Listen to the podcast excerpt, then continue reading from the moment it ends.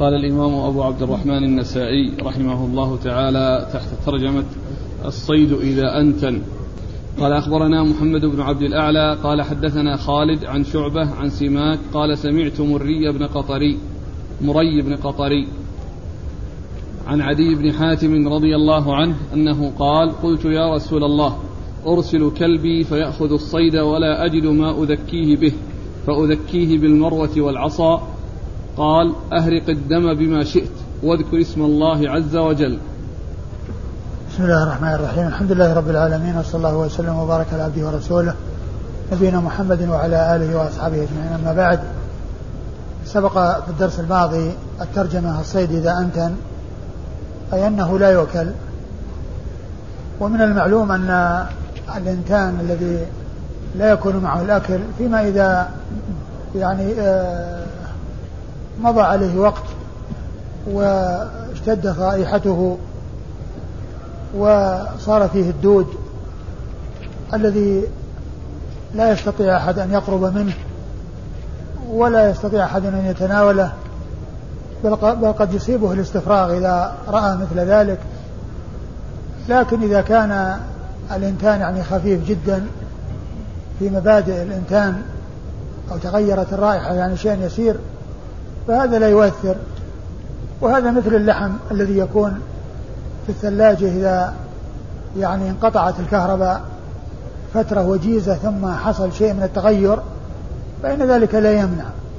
أما إذا مضى عليه في الثلاجة مدة طويلة والناس في الصيف والكهرباء منقطعة فإن الإنسان لا يكاد يعني يصبر دقيقة عند فتح الثلاجة إلا بإخراج ما فيها وإبعاده والتخلص منه. وقد مر في الحديث يعني آه، في الدرس الماضي المتعلق ترجمة والذي فيه أنه إذا يعني بعد ثلاث إلا إذا أنتن أي فإنه لا يؤكل. وقد أورد النسائي بعد ذلك حديث عدي بن حاتم هذا الذي معنا وليس فيه دلالة على الترجمة. لأن لأنه ليس فيه شيء يعني فيه ذكر الإنتان وحصول النتن وإنما فيه كونه يعني يذبح بالعصا أو المروة وأنه يسمي الله عز وجل وقد مر ذلك من قبل. ففي الحديث الدلالة على أن الذبح يكون بكل ما أنهر الدم لأنه سأله عن الذبح بالعصا والمروة والمروة هي الحجر الأملس الذي إذا كسر صار له حد ويذبح به وكذلك العصا. لما سأل عن الذبح بالعصا والمروة قال عليه الصلاة والسلام أنهر الدم بما شئت. واذكر اسم الله عز وجل. أي شيء ينهر الدم ويفريق الدم فإنه يحصل به المطلوب إلا السن والظفر كما سبق ذكر الأحاديث التي دلت على استثناء ذلك. نعم. قال أخبرنا محمد بن عبد الأعلى. محمد بن عبد الأعلى الصنعاني وهو ثقة أخرج حديثه مسلم وأبو داود في القدر والترمذي والنسائي وابن ماجه. عن خالد. عن خالد بن الحارث البصري ثقة أخرج له أصحاب الكتب الستة. عن شعبة. عن شعبة بن الحجاج الواسطي ثم البصري وهو ثقة وصف بأنه أمير المؤمنين في الحديث وحديثه أخرجه أصحاب الكتب الستة. عن سماك. عن سماك بن حرب وهو صدوق. أخرج حديثه البخاري تعليقا ومسلم وأصحاب السنة الأربعة. عن مري بن قطري. عن مري بن قطري وهو مقبول. أخرج حديثه أصحاب السنة الأربعة. عن عدي بن حاتم. عن عدي بن حاتم الطائي رضي الله تعالى عنه صاحب رسول الله صلى الله عليه وسلم وحديثه أخرجه أصحاب الكتب الستة. قال رحمه الله تعالى صيد المعراض. قال أخبرني محمد بن قدامة عن جرير عن منصور عن إبراهيم عن همام عن عدي بن حاتم رضي الله عنه أنه قال قلت يا رسول الله إني أرسل الكلاب المعلمة فتمسك علي فآكل منه. قال إذا أرسلت الكلاب يعني المعلمة وذكرت اسم الله فأمسكن عليك فكل. قلت وإن قتلن؟ قال وإن قتلن. ما لم يشركها كلب ليس منها. قلت وإني أرمي, أرمي الصيد بالمعراض فأصيب به فآكل. قال إذا رميت بالمعراض وسميت فخزق فكل وإذا أصاب بعرضه فلا تأكل. ثم ورد النسائي هذه الترجمة وهي الصيد بالمعراض. والمقصود المقصود بالمعراض يعني عصا يعني آآ آه، آآ آه، في رأسها حديدة محددة يعني إذا أرسلها وخرقت وخزقت يعني الصيد بمعنى أنها جرحته ودخلت في جسده وأسالته ثم يعني آه، أدركه ميتا أو مات بسبب ذلك فإنه يحل.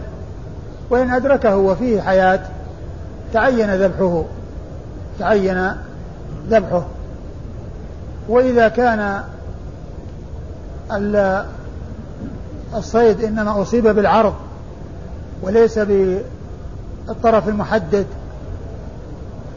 وإنما قتله الثقل الذي يكون من العصا. ولم يدرك فيه ولم يدركه وله حياة وفيه حياة مستقرة ومات فإنه يكون وقيد. يعني مثل الذي رمي بحصاة أو بشيء ومات بسبب ذلك ولم يعني يحصل به انجراح فإنه يكون وقيدا.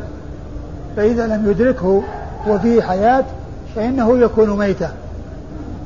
وعلى هذا فالصيد بالمعراض إن كان بحده فإنه يأكل من يصطاد وإن كان بعرضه وثقله فإنه لا يحل أكله. قال أخبرني محمد بن قدامة. محمد بن قدامة ثقة أخرج حديثه أبو, داو أبو داود والنسائي بن ماجه. أبو داود والنسائي وابن ماجه. عن جرير. عن جرير بن عبد الحميد الضبي ثقة أخرج له أصحاب كتب الستة. عن منصور. عن منصور بن معتمر الكوفي ثقة أخرج له أصحاب كتب الستة. عن إبراهيم. عن إبراهيم بن يزيد بن قيس النخعي ثقة فقيه أخرج له أصحاب الكتب الستة. عن همام. عن همام بن الحارث النخعي وهو ثقة أخرج له أصحاب الكتب الستة. عن عدي بن حاتم. عن عدي بن حاتم رضي الله عنه وقد مر ذكره. الحديث السابق ما يكون الترجمة تأخرت عنه. تأخرت؟ اي اللي قبله يعني فأذكيه بالمروة والعصا. بس هذا ما في ما في شيء يتعرض يتعلق بالمعراض بالمعراض أقول ما في شيء يتعلق بالمعراض صلى الله عليك بالنسبة للكلب إذا أمسك الصيد أيه؟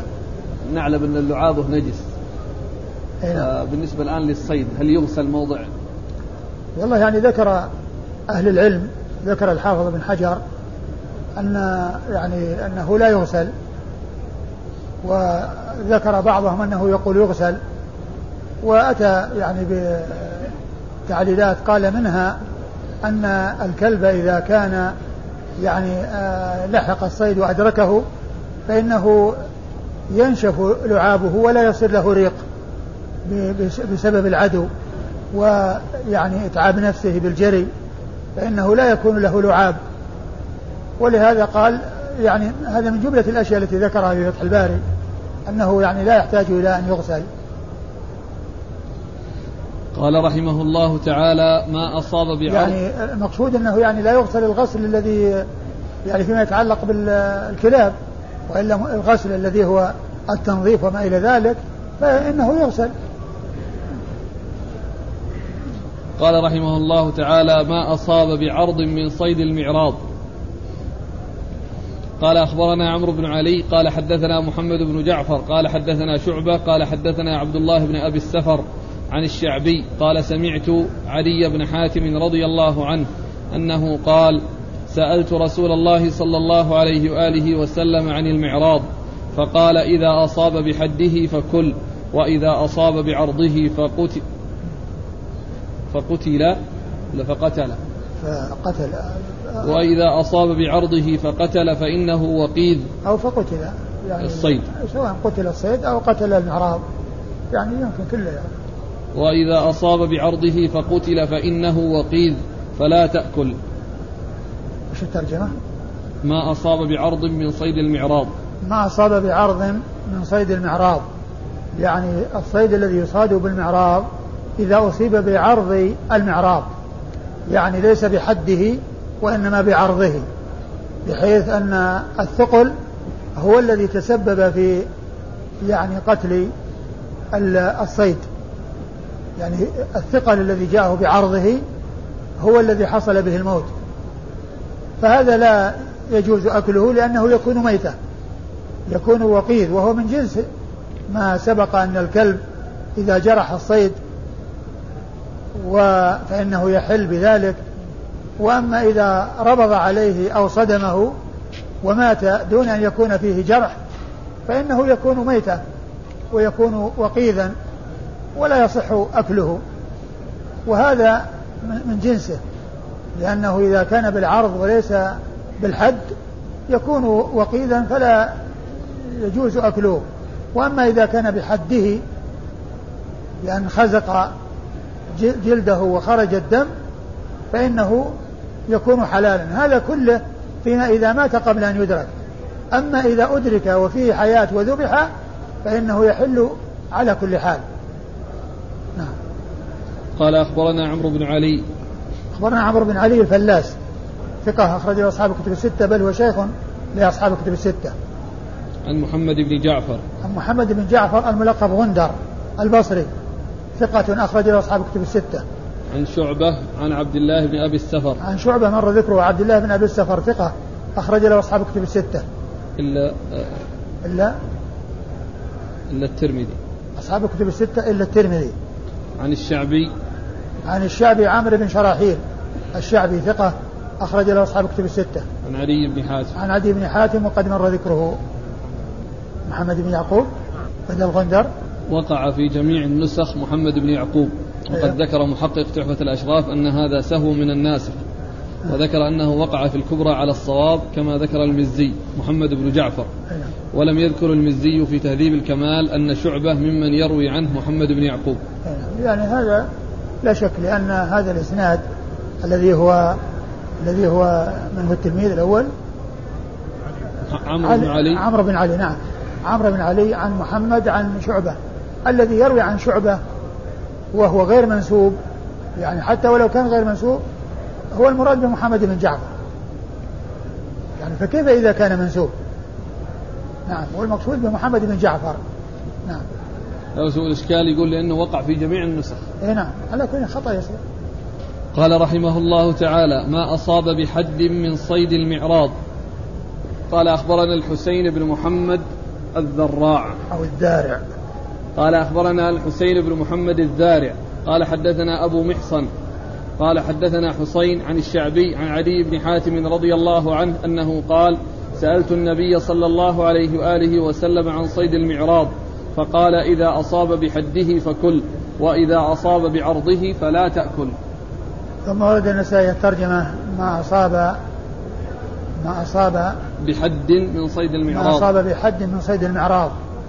يعني أنه يؤكل لأن الحد يعني يخرق الجسد ويسيل الدم وينهر الدم فيحل بذلك بخلاف العرض عرض المعراض فإنه يكون الموت بسبب الثقل فلا يحل بذلك. وقد ورد النسائي حديث عدي بن حاتم رضي الله عنه وهو مثل ما تقدم. قال أخبرنا الحسين بن محمد الذارع الحسين بن محمد الذارع صدوق ولا ثقة؟ صدوق. أخرج له. الترمذي والنسائي. وهو صدوق أخرج حديثه الترمذي والنسائي. عن أبي محصن. عن أبي محصن وهو حسين بن نمير. وهو ثقة؟ لا بأس به. وهو لا بأس به هو بمعنى مق... بمعنى بمعنى صدوق. بمعنى صدوق. لا بأس به تعادل صدوق. وقد أخرج حديثه البخاري وأبو داود والترمذي والنسائي. البخاري وأبو داود والترمذي والنسائي. عن حسين عن حسين بن عبد الرحمن السلمي ثقة أخرج له أصحاب الكتب الستة. عن الشعبي عن عدي بن حاتم. عن الشعبي عن عدي بن حاتم وقد مر ذكرهما. قال أخبرنا علي بن حجر قال أخبرنا عيسى بن يونس وغيره عن زكريا عن الشعبي عن علي بن حاتم رضي الله عنه أنه قال سألت رسول الله صلى الله عليه وآله وسلم عن صيد المعراض فقال ما أصبت بحده فكل وما أصاب بعرضه فهو وقيذ. ثم ورد النسائي حديث عدي بن حاتم من طريق أخرى وهو مثل ما تقدم. قال أخبرنا علي بن حجر. علي بن حجر بن إياس السعدي المروزي ثقة أخرج حديثه البخاري ومسلم والترمذي والنسائي. عن عيسى بن يونس. عن عيسى بن يونس بن أبي إسحاق السبيعي وهو ثقة أخرجه أصحاب الكتب الستة. وغيره. وغيره نعم. عن زكريا. عن زكريا بن أبي زائدة وهو ثقة أخرج أصحاب الكتب الستة. عن الشعبي عن عدي بن حاتم. عن الشعبي عن عدي بن حاتم وقد مر ذكرهما. قوله وغيره يعني أن أن ال آه، من هو شيخ؟ من هو عيسى بن يونس وغيره عن زكريا. لا الذي آه، علي بن حجر. علي بن حجر نعم. علي بن حجر يعني آه، روى عن جماعة. منهم يونس بن أبي إسحاق عيسى عيسى بن يونس ابن أبي إسحاق. ف يعني النسائي لما روى اكتفى بواحد ولم يذكر يعني غيره الذي روى معه. يعني اختصارا. وقد يكون أيضا يعني لمانع يعني مثل ما كان يفعل في عبد الله بن لهيعة إذا كان يعني روى فإنه يعني يشير إليه بأن يقول ورجل آخر. قد يكون اختصار وقد يكون إنه يعني ليس بمعتمد عنده ولكنه لما جاء يعني مقرونا ما أتى به وسكت بل أفاد بأن الرواية فيه شخص معه ولكنه لم يسمه. قال رحمه الله تعالى اتباع الصيد. قال أخبرنا إسحاق بن إبراهيم. قال أخبرنا عبد الرحمن عن سفيان عن أبي موسى. حاء قال وأخبرنا محمد بن المثنى عن عبد الرحمن. قال حدثنا سفيان عن أبي موسى عن وهب بن منبه عن ابن عباس رضي الله عنهما عن النبي صلى الله عليه وآله وسلم أنه قال من سكن البادية جفا ومن اتبع الصيد غفل ومن اتبع السلطان افتتن. واللفظ لابن المثنى. ثم ورد النسائي هذا الترجمه وهي اتباع الصيد. يعني ما يترتب عليه من الغفلة. وذلك أن من اتبع الصيد وشغل نفسه به فإنه يغفل عن العبادة ويغفل عن أموره المطلوبة منه. وذلك لنهمته. وانشغاله بمتابعة الصيد فيقتل الوقت ويضيع عليه الوقت سدى فيغفل عن العبادة وعن الطاعة وعن ما هو مطلوب منه.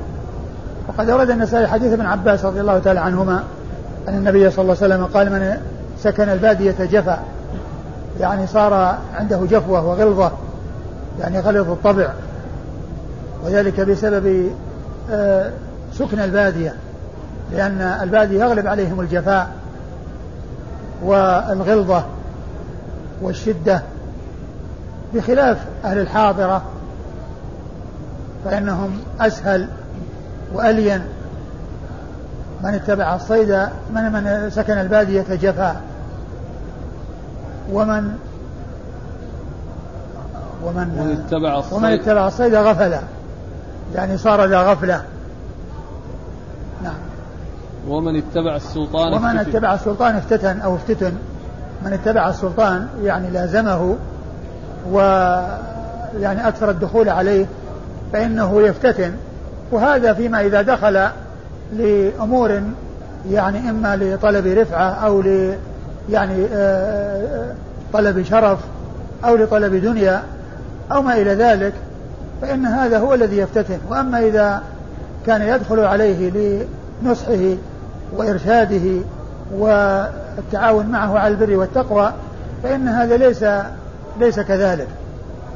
ومعنى أن الإنسان إذا يعني دخل لأمور لغير ما يعود على الدين وعلى النصح للمسلمين فإنه يصيبه ما يصيبه من الفتنة يعني في دينه إما أن يسكت على باطل أو يوافق يعني على على باطل إن لم إما أن يسكت عليه وفي ذلك سكوت عن المنكر وهو لا يجوز.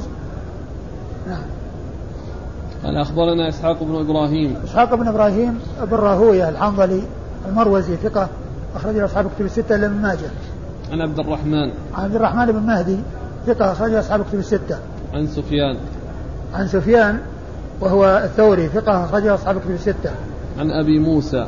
عن أبي موسى وهو يعني يعني لم يعرف إلا بكنيته وقال عنه في التقريب إنه آه، يعني يماني روى عن وهب بن منبه وقال إنه مجهول. أخرج له أصحاب السنة الأربعة. ليس هو إسرائيل بن موسى؟ لا. أخرج له أصحاب أصحاب الكتب أصحاب السنة الأربعة. أنت عندك إسرائيل بن موسى؟ إيه لأنه هو مرة نص عليه ومرة ذكر في خلاف قال يفرق بينه وبين اليماني. وين نص من اللي نص عليه؟ أظن هو نفسه ابن حجر رحمه الله. مرة نص ومرة تردد فيه. شوف الآن. لا قال أنه غيره. أبو موسى. أبو موسى عن وهب بن منبه مجهول من السادسة. ووهم من قال إنه إسرائيل بن موسى. نعم. مجهول وحديث أخرج أصحاب السنن. لا هنا؟ لا أبو موسى هذا اليماني. أي أخرج له أبو داود والترمذي والنسائي. ثلاثة. أبو داود والترمذي والنسائي. أخرج حديث أبو داود والترمذي والنسائي. عن عن أبي موسى. بعدين قال حاء وأخبرنا محمد بن المثنى. حاء وأخبرنا محمد بن المثنى هو العنزي أبو موسى الملقب الزمن وهو ثقة. أخرج له أصحاب الكتب الستة بل هو شيخ لأصحاب الكتب الستة. عن عبد الرحمن عن سفيان عن, عن أبي موسى. عن سفيان عن أبي موسى وقد مر ذكرهم. عن وهب, وهب المنبه اليماني وهو ثقة أخرج له أصحاب الكتب الستة إلا ابن ماجه فقد أخرج له في التفسير.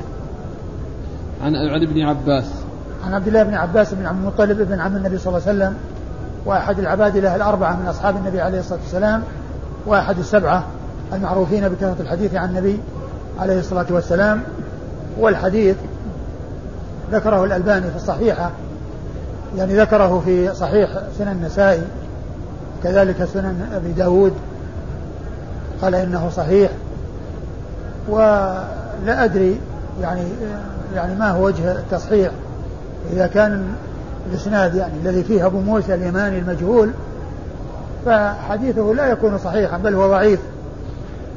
لكن الترمذي قال وفي الباب عن أبي هريرة وفي الباب عن أبي هريرة فاذا كان يعني يعني الألباني صححه لشواهد أو لأمر يعني هذا فيمكن وإلا فإنه بمجرد هذا الإسناد على أنه اليماني أبو موسى الذي يروي عن وهب منبه لا يكون صحيحا بذلك. السلسلة الصحيحه من بدأ يعني نتيجة واحدة من سكن البادية هو هي معنى بدأ. ومن اتبع سلطان افتتن آه يعني هذا في السلسلة الصحيحة آه. إيه، ما أدري. يعني إذا كان أقول إذا كان أن فيه يعني شيء يعني شواهد لأن بدأ بمعنى سكن النتيجة واحدة. فإذا كان فيه ها؟ إيش؟ لا بس يتحدثان. أي أنا أقول يعني إذا كان انها يعني لأمر غير الاسناد هذا وغير الرجل هذا فيمكن. والألباني صححه. ما قال إنه حسن بل قال صحيح. إلا على أنه أبو موسى هذا ما ذكرناه لأن المزي في تحفة الأشراف ذكر أن أبا موسى هو إسرائيل بن موسى. وفي تهذيب الكمال ذكر أنه يروي عن وهب بن نبه ويروي عن سفيان. ابن حجر هو الذي فرق بين أبي موسى البصري وأبو موسى هذا أبو موسى البصري؟ إيه أبو موسى البصري اللي هو إسرائيل بن موسى. أيوه. ثقة نزيل الهند. أي نعم. وأبو موسى وذكر المزي في تحفة الإشراف أن من شيوخه وهب بن منبه ومن تلامذته الثوري. ابن حجر فرق قال أبو موسى البصري يختلف عن أبي موسى الذي روى عنه هذا الرجل أيوه. اللي هو من تلاميذ وهب بن كل ما أدري كان الألباني اعتمد على أنه إسرائيل بن موسى يعني لا أدري يعني إيش إيش الحقيقة يعني في هذا لكن إذا كان أنه ذكر الحديث في الصحيحة يمكن إنه يعني يعني يبين شيء هو في الصحيحة رأيته؟ اي نعم. على كل شوف يعني في أي مكان وانظر يعني وش قال فيه أو يأتي يعني بس أنا أنا يعني رأيت إن الألباني ما حال على المشكات والمشكات ما قال فيها شيء. ما ذكر في المشكات شيء عن التصحيح والتضعيف ابدا. وإنما هو تفسير بعض الكلمات فقط وليس فيها شيء يتعلق بالتصحيح. وكذلك الذي يعني عمل الفهرس الألباني ما حال إلا المشكات والمشكاة ما فيها شيء. الحديث؟ هذا هو ما سكن البادية لا بس إنه يختلف. أنت لعلك بحثت من سكن. اي ما سكن نعم. الأخ يقول من بدأ. لعل يعني لعل يعني.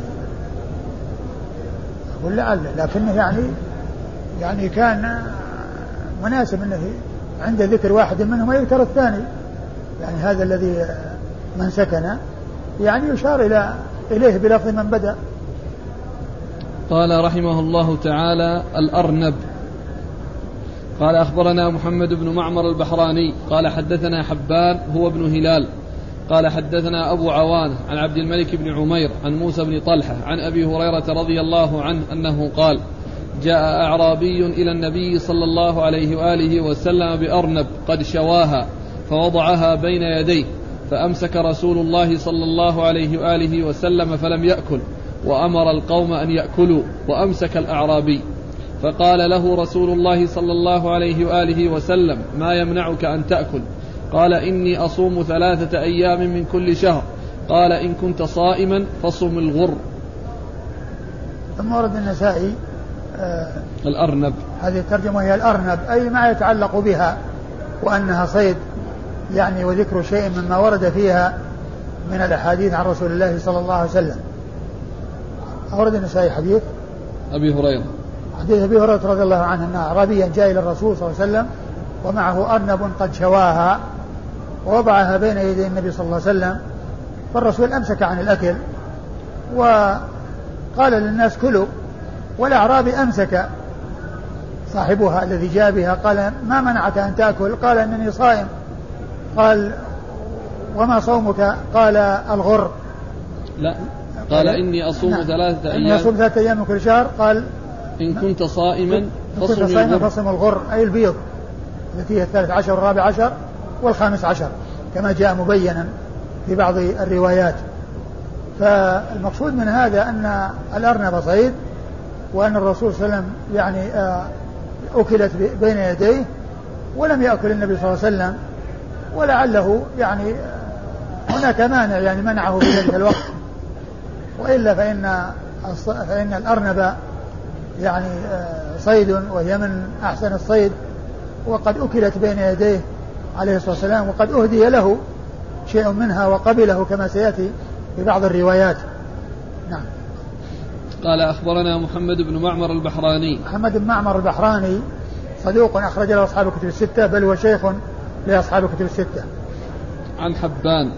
عن حبان بن هلال ثقة أخرج له أصحاب الكتب الستة. عن أبي عوانة. عن أبي عوانة الوضاح بن عبد الله اليشكري ثقة أخرج له أصحاب الكتب الستة. عن عبد الملك بن عمير.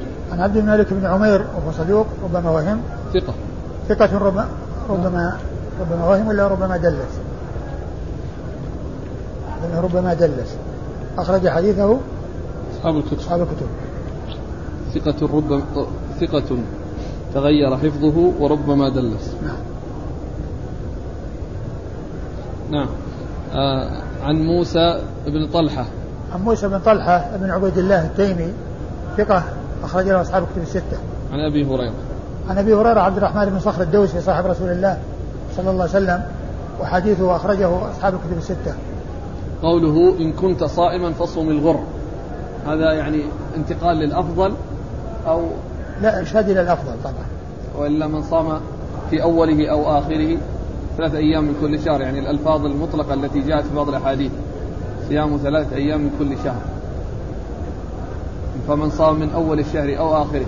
نعم، هو يعني كل ما ورد عن الرسول صلى الله عليه وسلم وثبت عنه يحمل على يعني أن ذلك حق وأنه سنة.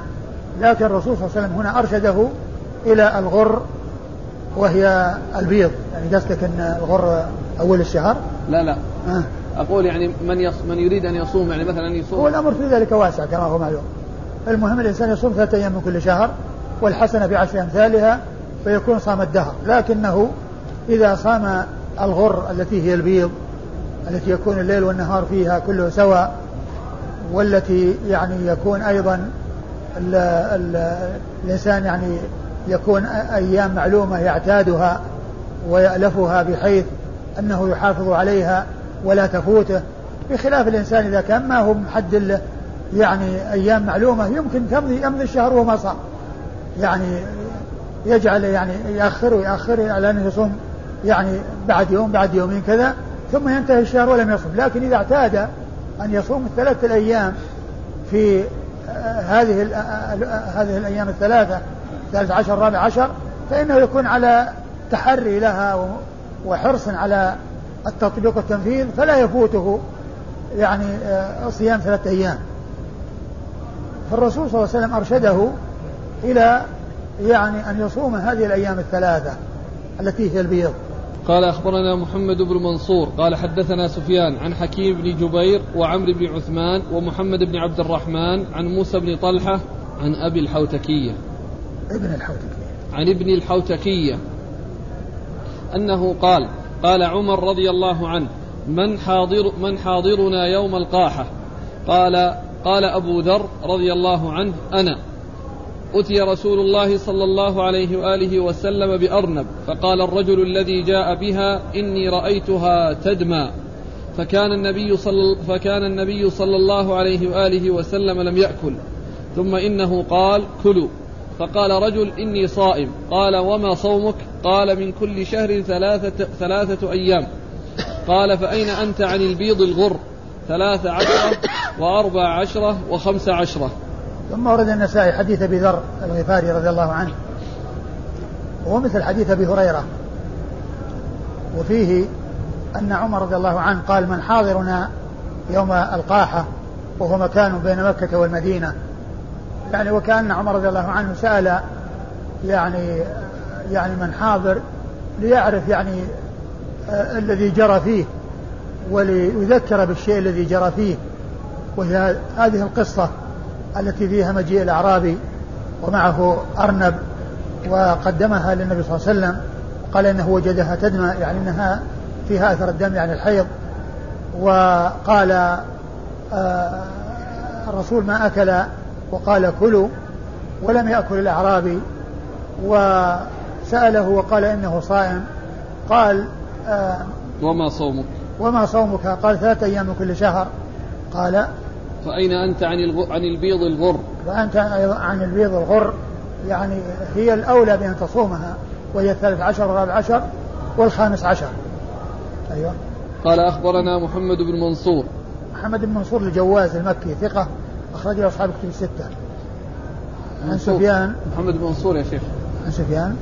لا. محمد بن منصور. محمد بن منصور الجواز أخرج له أصحاب الكتب. لا لا النسائي. النسائي وحده.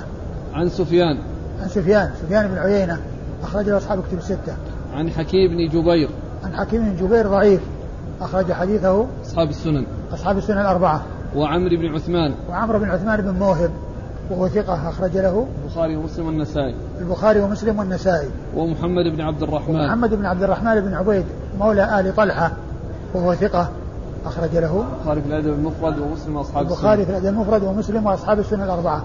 عن موسى بن طلحة. عن موسى بن طلحة وقد مر ذكره. عن عن ابن الحوتكية. عن ابن الحوتكية وهو يزيد ابن الحوتكية وهو مقبول أخرج حديثه النسائي وحده.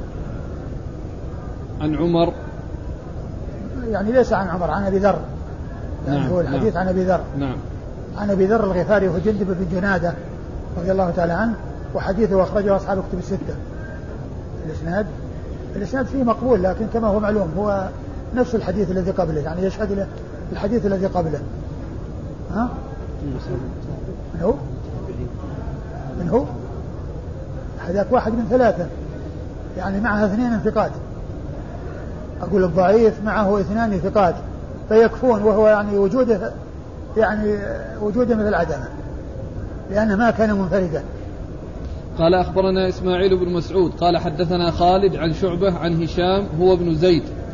قال سمعت أنسا رضي الله عنه يقول أنفجنا أرنبا بمر الظهران فأخذتها فجئت بها إلى أبي طلحة رضي الله عنه فذبحها فبعثني بفخذيها ووركيها. إلى النبي صلى الله عليه وآله وسلم فقبله.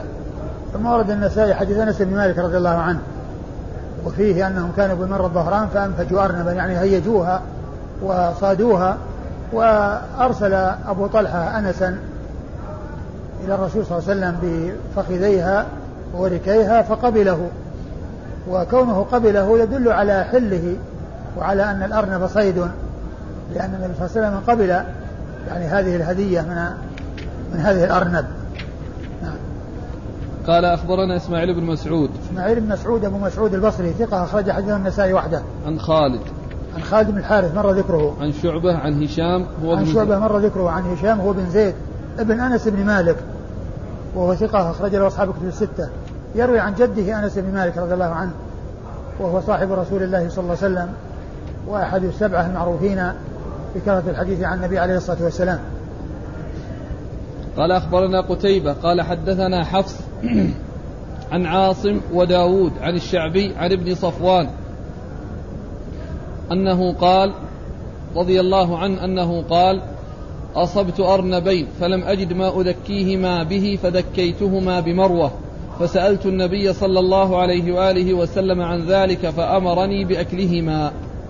ثم ورد النسائي حديث محمد بن صفوان رضي الله عنه وهو أنه وجد أرنبين ولم يجد ما يذكيهما به من السكاكين وذكاهما بمروة وهي الحجر الأملس الذي إذا كسر صار له حد.